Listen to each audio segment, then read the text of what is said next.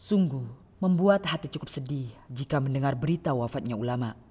Terlebih ulama tersebut adalah ulama ahlus sunnah wal jamaah yang sangat giat, belajar, berdakwah, dan memberikan pencerahan yang banyak kepada manusia. Dengan wafatnya ulama, berarti Allah telah mulai mengangkat ilmu dari manusia. Para ulama pasti akan Allah wafatkan, karena setiap yang bernyawa pasti akan merasakan kematian. Hendaknya kita terus semangat mempelajari ilmu dan mengamalkannya. Mari kita semakin semangat menuntut ilmu, menyebarkan dan mengamalkannya. Karena hilangnya ilmu agama merupakan tanda-tanda akhir zaman dan dekatnya zaman fitnah.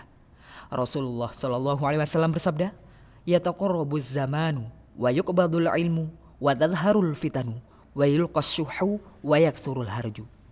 Zaman saling berdekatan, ilmu dihilangkan, berbagai fitnah bermunculan, kebakilan dilemparkan ke dalam hati, dan pembunuhan semakin banyak. Hadis riwayat Muslim. Termasuk tanda kiamat yang sudah cukup dekat adalah diangkatnya ilmu dan kebodohan yang merajalela. Rasulullah Shallallahu Alaihi Wasallam bersabda, "Min ashroti saati ayyurfa'al ilmu wa yathbutal jahlu." Termasuk tanda-tanda hari kiamat adalah diangkatnya ilmu dan tetapnya kebodohan. Hadis riwayat Bukhari.